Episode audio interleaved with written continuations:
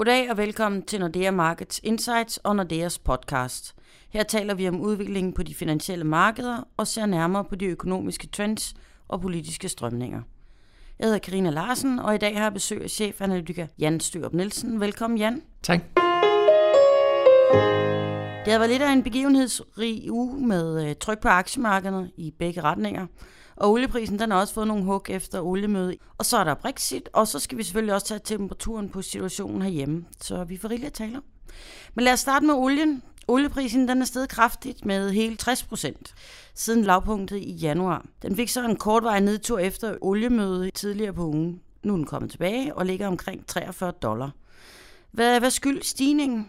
De olieproducerende lande de blev ikke rigtig enige på mødet øh, tidligere på ugen. Nej, man må i hvert fald sige, at på mødet i Doha, der lykkedes det jo ikke OPEC-landene og, og blandt andet Rusland ligesom at nå til en enighed om, håbet for, for de olieproducerende lande, det var jo, at man ligesom kunne begrænse produktionen for at den vej rundt få nogle højere priser.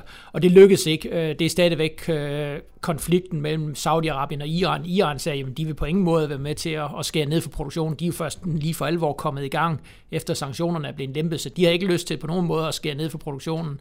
Og Saudi-Arabien, de sagde, jamen hvis ikke Iran vil, så vil vi heller ikke. Og så endte det i, øh, i en eller anden blød formulering om, at jamen, på et eller andet senere tidspunkt, der vil de genoptage øh, de her samtaler. Men det er rigtigt, hvis vi så kigger på olieprisen, lige da vi fik meldingen om, at de ikke kunne nå til enighed, jamen der fik vi et ordentligt drøn nedad på olieprisen. Men relativt hurtigt, der rettede den sig igen. Øh, og det kom måske lidt overraskende for, for mange, at, at olieprisen faktisk holdt sig over 40 dollar. Noget af det var, fordi der, var, der har været en strække i Kuwait, øh, så olieproduktionen i Kuwait har været, ikke været så stor, som den tidligere har været. Men jeg tolker altså mere, det er mere tror jeg, fundamentalt øh, med, at den, den stabilisering, vi har set i olieprisen over 40 dollar, jamen det er altså fordi flere og flere siger, jamen der er ved at komme balance mellem udbud og efterspørgsel. Mm. Det har været en helt stor problem på oliemarkedet, det her med, at der bliver simpelthen produceret alt for meget i forhold til, at der bliver efterspurgt. Og der virker det altså som om, at der er kommet en bedre balance, og jeg tror faktisk, det er det, der sådan mere fundamentalt holder prisen øh, oppe på olie lige nu. Så den har ligesom fundet sit leje, og det er sådan det, som du tolker? Ja, jeg tror i hvert fald på ingen måde, at vi skal ned under 30 dollar øh, igen, medmindre der sker et eller andet øh, helt, helt uforudset. Mm. Men altså, der er ved at komme bedre balance mellem udbud og efterspørgsel. Øh, og navnet, når vi kommer lidt længere ind i 2016 mod slutningen, så er der faktisk igen op, øh, den her balance, øh, og det vil selvfølgelig være med til at, at holde prisen op. Okay, øhm, men det er ikke kun olien, der er stedet i pris. Det er sådan råvarer generelt, der sker lidt. Ja, fordi når vi kigger på, på råvarer, guld, sølv og faktisk også mange fødevarepriser, jamen så er de steget her over de sidste par, par uger. Og for eksempel fødevareprisen, hvor der jo også har været sådan en voldsom nedadgående øh, trend, jamen den er altså også vendt rundt, og vi har, vi har faktisk fødevarepriser nu på det højeste niveau, vi har set øh, siden slutningen af 2015. Igen et udtryk for, at folk begynder at tro på, at der kommer noget mere efterspørgsel i fremtiden, øh, og det er ligesom med til igen at presse prisen op for de her ekstremt lave niveauer, som vi så øh, tidligere i 2016. Mm-hmm. Og hvad tænker vi, hvad, hvor snakker vi henne? Der er jo sådan meget forskellige meldinger rundt omkring. Er det, ser det fordi, det ser bedre ud i Kina? Går det godt i USA? Eller hvad? Jamen jeg tror, vi, øh, hvis man skal finde forklaringen på, hvorfor vi har set den her stigende tendens, så skal vi meget kigge mod Kina. Vi skal kigge mod de kinesiske nøgletal, som jo faktisk er blevet bedre her på det seneste. Øhm, vi tolker det som om, at som et tegn på, at det, som myndighederne har sat i gang, det her med at lempe, lempe pengepolitikken, sætte renten ned, svække valutaen og også øge de offentlige investeringer, det er altså begyndt at virke, og det begynder at virke på de kinesiske nøgletal, så de kinesiske nøgletal bliver bedre.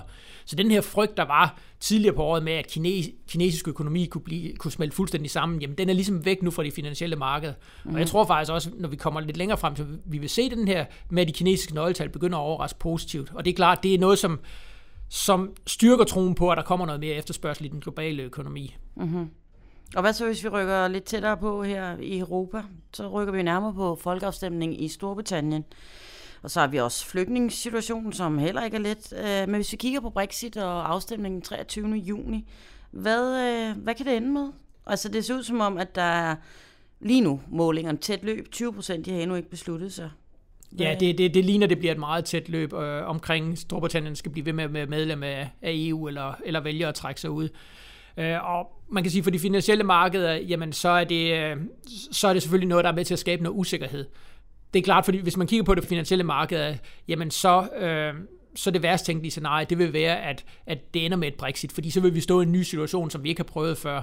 Øh, så det er selvfølgelig den usikkerhed, og det er klart, som du også nævner, jamen når meningsmålingerne er så tætte, jamen så er det noget, som, som man som markedsdeltager bliver nødt til at tage med i sin overvejelse. Man kan ikke bare sige, jamen det er det kommer ikke til at ske, mm-hmm. fordi der er en reel mulighed, øh, risiko for, at for at det faktisk ender med et, et Brexit, når vi, øh, når vi får resultatet der den 23. juni om aftenen. Så det er noget, som begynder at påvirke markedsstemningen på de finansielle markeder, og som er med til at skabe en del usikkerhed. Øh, og den usikkerhed kommer altså til at vare ved øh, helt frem til den 23. Mm. juni. Men kommer reaktionen prompte, eller hvordan vurderer man? Ja, vi har allerede set, hvis du for eksempel kigger på det britiske pund, har vi jo allerede set en voldsom svækkelse af det britiske pund, øh, som et udtryk for, at investorerne trækker sig ud, fordi de ikke kan lide den usikkerhed, der er omkring Storbritannien. Øh, men jeg tror, hvis, hvis det ender med, at, at vi får et Brexit, øh, det er den 23. juni, så vil vi se en yderligere reaktion på de finansielle markeder. Vi vil se det britiske pund blive svækket yderligere. Vi regner med sådan en en umiddelbar reaktion på omkring 5-7% af det britiske pund vil blive svækket fra et allerede, fra et allerede svagt mm-hmm. niveau. Og vi vil også se aktiemarkederne falde. Vi vil se, at øh, obligationerne på de sikre havne, øh, navnlig i Tyskland, jamen der vil renterne falde, hvorimod man, man sagtens skulle forestille sig, at, at i de sydeuropæiske lande, jamen der vil renterne stige. Simpelthen fordi folk, de, de bliver mindre risikovillige, søger væk fra risiko, øh, fordi vi så kommer til at stå i en ny situation. Mm-hmm. Ja. Hvad vil det betyde for Danmark? Altså, nogen taler om, at Danmark kan blive en sikker havn, hvis britterne de vrager EU-talen. Hvad, hvad skal det, hvordan skal det forstås? Øh. Jamen, det skal forstås på den måde, at Danmark er jo, når man, når man kigger sådan på de fundamentale balancer i dansk økonomi, jamen, så står vi jo rigtig, rigtig flot. Vi har et overskud på betalingsbalancen på 7%. Vi har en meget, meget lav offentlig gæld. Vi har forholdsvis lav underskud på de offentlige budgetter. Så, så de her fundamentale ting, når man kigger på dansk økonomi, jamen der ser vi rigtig godt ud. Og det vil sige, hvis vi kommer i en situation, hvor usikkerheden igen sådan for alvor kommer til at præge de finansielle markeder, jamen så lidt så lidt ligesom vi så i 2012, så kan vi altså forestille os, at, at investorer, der ønsker sikkerhed for deres penge, jamen de vælger at placere penge i Danmark. Så Danmark ligesom får den her status af sikker havn et sted. Det kan godt være, at man ikke får ret meget afkast ved at købe danske statsobligationer, men til gengæld får man sikkerhed. Man er sikker på, at man får pengene tilbage. Øhm, modsat måske uh, så mange andre lande. Men, og hvis vi, får, ja, hvis vi får den her sikker havnstatus, så får vi jo en styrkelse. Altså for det første får vi, at de danske renter kommer til at falde yderligere, og vi får også en styrkelse af kronen, som Nationalbanken jo bliver nødt til at forholde sig til. Men det er vel ikke umiddelbart godt, eller hvad? I, ja, både og. Man kan sige, det jo været værre, hvis, hvis vi har fået den modsatte situation, at der ikke var nogen, der ville have de danske mm. statsobligationer, så, så altså, vi vil få et, et nedadgående tryk på renterne, og så kan man sige, at Nationalbanken vil jo ikke kunne tåle, at kronen bliver styrket ret meget. Vi ligger allerede med en forholdsvis stærk kronekurs over for euroen, så hvis der kommer yderligere pres, jamen, så skal Nationalbanken altså ind øh, og igen begynde at overveje, at man skal til at sætte renten ned, men for at prøve at modvirke det her pres. Mm-hmm. Så det kan være en fordel for dansk økonomi? Det vil i hvert fald være med til at presse de danske renter lavere, både statsrenter og realkreditrenterne plejer jo også at følge med ned, så det vil, det vil det vil betyde, at de danske renter vil komme endnu længere ned, mm-hmm. øh, end de er lige nu. Ja, og det havde man jo ikke lige kan forestille sig, men ja. Nej, altså det er i hvert fald, at vi er, vi er jo på nogle ekstremt lave niveauer, øh, men vi har jo også, og det har vi jo måttet sande igennem de seneste år, at selvom vi havde troet, at renterne havde ramt et, et absolut lavpunkt, jamen så har vi jo hele tiden flyttet den her grænse, øh, og der er jo intet til hinder for, at de danske renter kan falde yderligere, selvom de er på, på de her meget, meget lave niveauer. Ja. Hvis vi så prøver at vende det hele på hovedet, hvad nu hvis det er, at vi prøver at se på det modsatte scenarie, at britterne de faktisk bliver hvad, hvad kan det gøre ved finansmarkedet og alt muligt andet? Kan der komme en reaktion der, som det, er helt... Ja. ja, det vil i hvert fald gøre, at man, man vil kunne drage et lettelsens suk på de finansielle markeder. Nu har vi ligesom... Den usikkerhedsfaktor har vi ligesom fået fjernet, hvis, hvis det ender med, at de, de vælger at blive i EU. Øh, og det er klart, i, i forhold til hele EU-samarbejdet, jamen der, er jo også, der skal jo også øh, foretages sådan et stort reparationsarbejde, man skal genskabe tilliden til hinanden. Men altså for de finansielle markeder, jamen så tror jeg, man vil reagere med lettelse.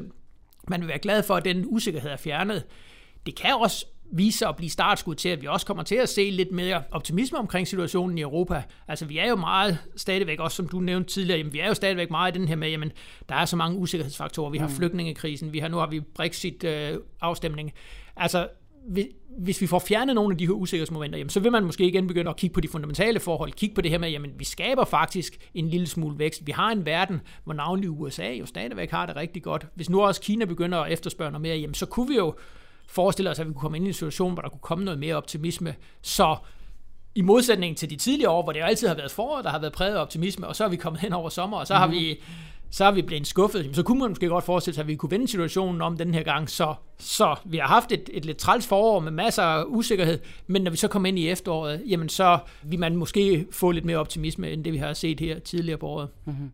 Og så er vi det amerikanske valg, så der, ja, der bliver masser op og ned. Og... Så får du endnu en usikkerhedsfaktor, ja. Okay. Så, mm, men hvad vil du sådan holde særlig øje med her i det spirende forår? Det Altså, vi skal selvfølgelig holde meget øje med olieprisen, fordi lige nu der virker det altså som om olieprisen dikterer øh, stemningen på aktiemarkederne, så vi skal, vi skal helst ikke have et nyt kraftigt prisfald øh, på olie, fordi det vil altså sætte sig på aktiemarkederne. Så hvis vi bare kan holde olieprisen øh, over 40 dollar, øh, vi skal selvfølgelig heller ikke have nogen voldsomme stigninger, men hvis vi bare kan få sådan en, en, en stabilitet i olieprisen, det vil være rigtig godt for, for de finansielle markeder. Øh, vi skal også holde meget øje med de kinesiske nøgletal, øh, fordi det er også noget af det, som ligesom er med til at, at bestemme stemningen omkring den globale økonomi. Hvis nu, som vi tror, vi får en bedring i de kinesiske nøgletal, så kan det skabe noget mere optimisme. Omvendt, hvis vi bliver hvis vi bliver overrasket, øh, der kommer en eller anden grim overraskelse fra Kina, jamen så er det klart, så, så vender det fuldstændig scenariet på hovedet. Så jeg vil sige, at olieprisen og de kinesiske nøgletal er, er nok det, der er, der er vigtigst at følge med i, og så selvfølgelig meningsmålingerne i forhold til, til Brexit. Tak skal du have, Jan. Vi ser, hvad der sker. Og hvis du vil vide mere om, hvad der rører sig på de globale finansmarkeder, så kan du besøge os på nordeamarkets.com og nexusnordea.com, hvor du kan finde al vores research og rapporter. Så kan du som altid også besøge os på LinkedIn og følge vores analytikere på iTunes og Twitter. Tak for denne gang.